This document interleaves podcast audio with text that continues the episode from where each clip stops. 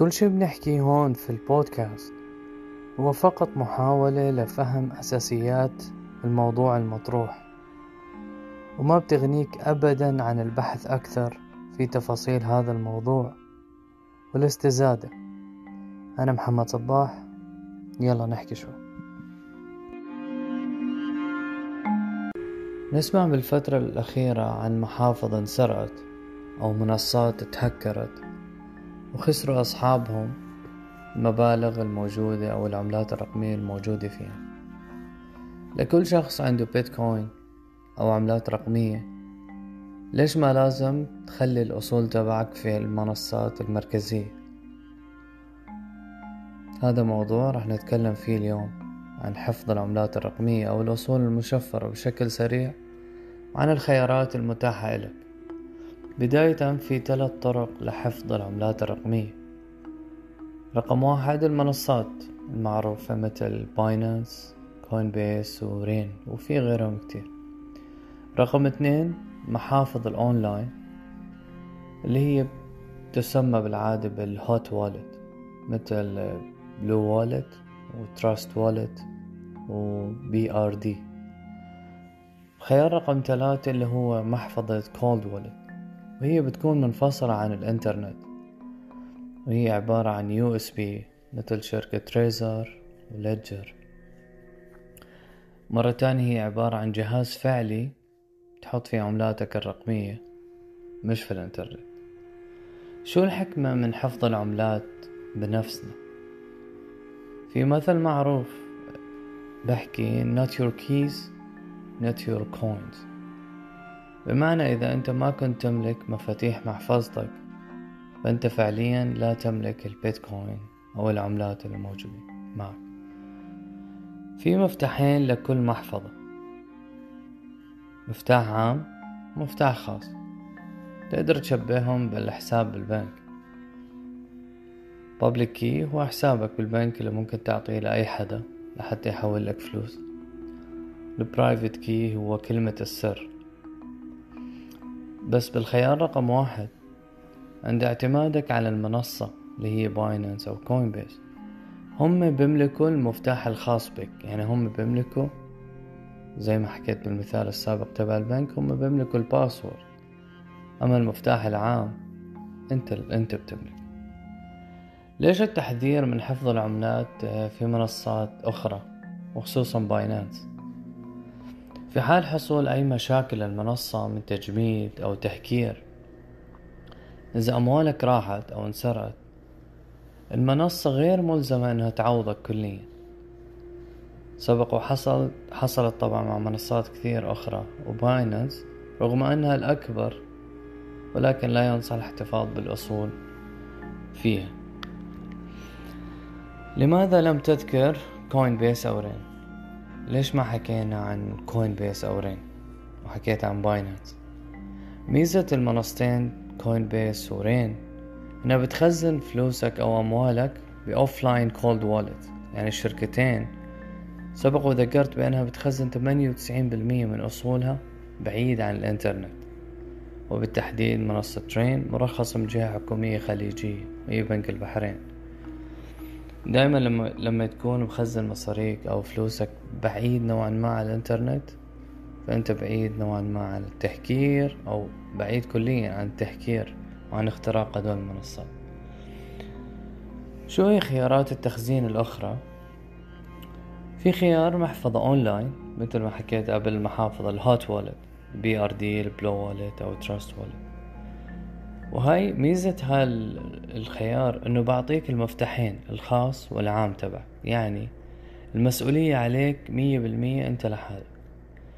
والخيار رقم ثلاثة اللي هي ال cold wallet اللي هي عبارة عن USB زي ما حكيت وأنت كذلك مسؤول مية بالمية عليها.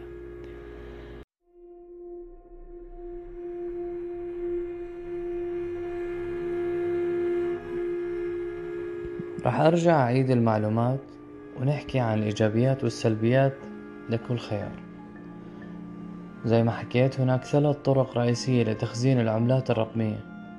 رقم واحد المنصات رقم اثنين المحفظة الحارة أو ال hot wallet اللي متصلة بالإنترنت الأمثلة عليها بلو والت وتراست والت رقم ثلاثة ال cold wallet المحفظة الباردة اللي بتكون على شكل USB وغير متصلة بالإنترنت. كل نوع من هاي الأنواع له إيجابيات وسلبيات ويمكن استخدام أكثر من طريقة على حسب أهدافك وطريقة استعمالك طبعا. الاحتفاظ بالعملات على المنصات زي باينانس وكوين بيس إيجابياتها إنه تجربة تجربة المستخدم بتكون سهلة وبسيطة وتعتبر الأفضل للأشخاص اللي بدأوا جديد أو المبتدئين. الاحتفاظ بالعملات على المنصة. بوفر على المالك تكاليف تحويل العملات لمحافظ أخرى. يعني المبلغ ممكن يكون صغير لكن المضارب اليومي هذا المبلغ بيكون مهم. يعني بدل ما يضل يحول من محفظة لمحفظة بخليها بالمنصة وهيك بوفر عليه الفيس تبع التحويل. السلبيات اللي ذكرت جزء منها قبل إنه تخلي فلوسك على هاي المنصات المركزية.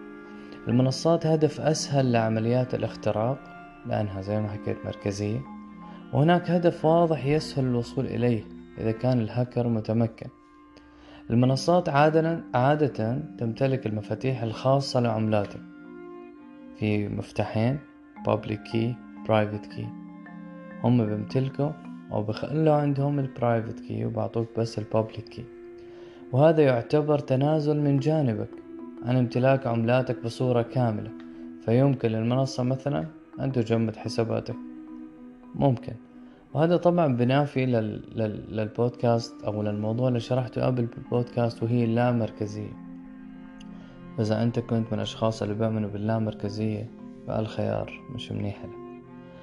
المنصات قد تعتبر الخيار الأفضل للمضارب اليومي أو الشخص اللي بيشتري عملاته لأول مرة للأسباب التي ذكرناها. هناك بعض المنصات التي تقوم بتخزين عملات العملاء. في المحافظ باردة وأنصح دائما بتوجه لهذه المنصات زي ما حكيت كوين بيس ورين. نعم هي منصة مركزية لكن تحتفظ بأكثر من تسعين أو ثمانية وتسعين بالمية من من الأصول المشفرة اللي عندها في محافظ باردة غير متصلة بالإنترنت تجنبا للأخطار والهاكر والاختراق ال hot wallet أو المحافظة الحارة رقم اثنين. التشابه هنا كبير مع مميزات وسلبيات المنصات لكن لاحظت أن تراست والت تتميز في بعض الأمور لذلك راح نحكي عنها بشكل منفصل. راح تدعم عدد كبير جدا من العملات تراست والت المفاتيح الخاصة بتكون تحت تصرفك. المحفظة Trust Wallet خصوصا تخضع للجهات الرقابية في ولاية كاليفورنيا. السلبيات الخيار الثاني اللي هي الهوت والت كونها محفظة متصلة بالإنترنت فهي دائما راح تعاني من مخاطر أمنية أو على الأقل راح تكون عرضة لهاي المخاطر. كثير من الناس بيشتكي من سوء وبطء خدمة العملاء صراحة ما استعملته يعتبر خيار آمن من المنصات اللي هي رقم واحد لكن ليس بأمان المحفظة الباردة اللي هي ال USB أو ال cold wallet رقم ثلاث ال cold wallet المحفظة الباردة نرجع بنكرر عبارة عن جهاز صغير غير متصل بالإنترنت بيتيح لك تخزين عملاتك مثل ما بتخزن أي صورة على flash memory أو USB إيجابيات هذا الخيار هي غير متصلة بالإنترنت مما يعني أنها أأمن طريقة تحافظ فيها على عملاتك. المفاتيح الخاصة كمان تحت, حم... أه تحت تحكمك. السلبيات تجربة المستخدم بتكون أصعب. غير عملية للاستعمال اليومي. يعني ما في كل يوم تحول من ال USB للمنصة المركزية عشان تبيع. في هاي الحالة بتخسر ال fees اللي بتحول من منصة إلى أخرى. في اختيارات كتير للمحافظة الباردة. أنا شخصيا استعملت Ledger Nano S شركة Ledger فيك تطلب منها. وهي بتأدي الغرض نفسه لكنها لا تدعم العديد من العملات. إذا كنت راح تستخدم المحفظة الباردة فتأكد أنه تشتريها من موقع الشركة الرسمي وليس من أي مكان آخر وذلك تفاديا لعمليات النصب التي ممكن أن تتم. عادة يستعمل المحافظ الباردة المستثمرين على المدى البعيد نظرا لحجم المبالغ الكبير. وكونها من الخيارات الموجودة زي ما حكينا. ممكن تستعمل طبعا أكثر من نوع في نفس الوقت. مثلا إذا كان جزء من محفظتك آه، للمضاربة. يعني بدك تبيع وتشتري كل كم يوم أو كل كم أسبوع. فلا مانع من الاحتفاظ فيه في جزء على المنصة والباقي يكون في تخزين البارد أو على الكولد وال وجهة نظري أنت تستعمل محفظة لكي تخزن فيها أموال. المفترض أنه تبحث عن أكثر الخيارات أمانا. وهو التخزين البارد على الأغلب. هامش الخطأ في الأموال صغير جدا فخطأ بسيط ممكن يؤدي لنتائج كارثية. يعني لما بدك تحول من منصة لمنصة بتحط البابليك كي أو المفتاح العام. إذا غلطت في حرف واحد أنت خسرت أو رقم واحد أنت خسرت المبلغ تبعك وما في أي شخص بيقدر يرجع لك إذا كنت ستحتفظ بالعملات أكثر من أسبوع المحفظة الباردة هي أفضل وأمن خيار. في سؤال دائما بتكرر من الشباب. متى أحتفظ بنفسي ومتى أعتمد على المنصة؟ برأيي الشخصي كل ما تزيد قيمة أملاكك لازم تفكر في الاحتفاظ فيها بنفسك. كيف بتغلب لكن بالنهاية هي فلوسك. مثال إذا كان عند الشخص مثلا نص بيتكوين يعني جزء من واحد بيتكوين. أو ثلاثة بيتكوين أو اثنين. في يحتفظ فيها على المنصة مقارنة بشخص عنده مية أو ميتين بيتكوين.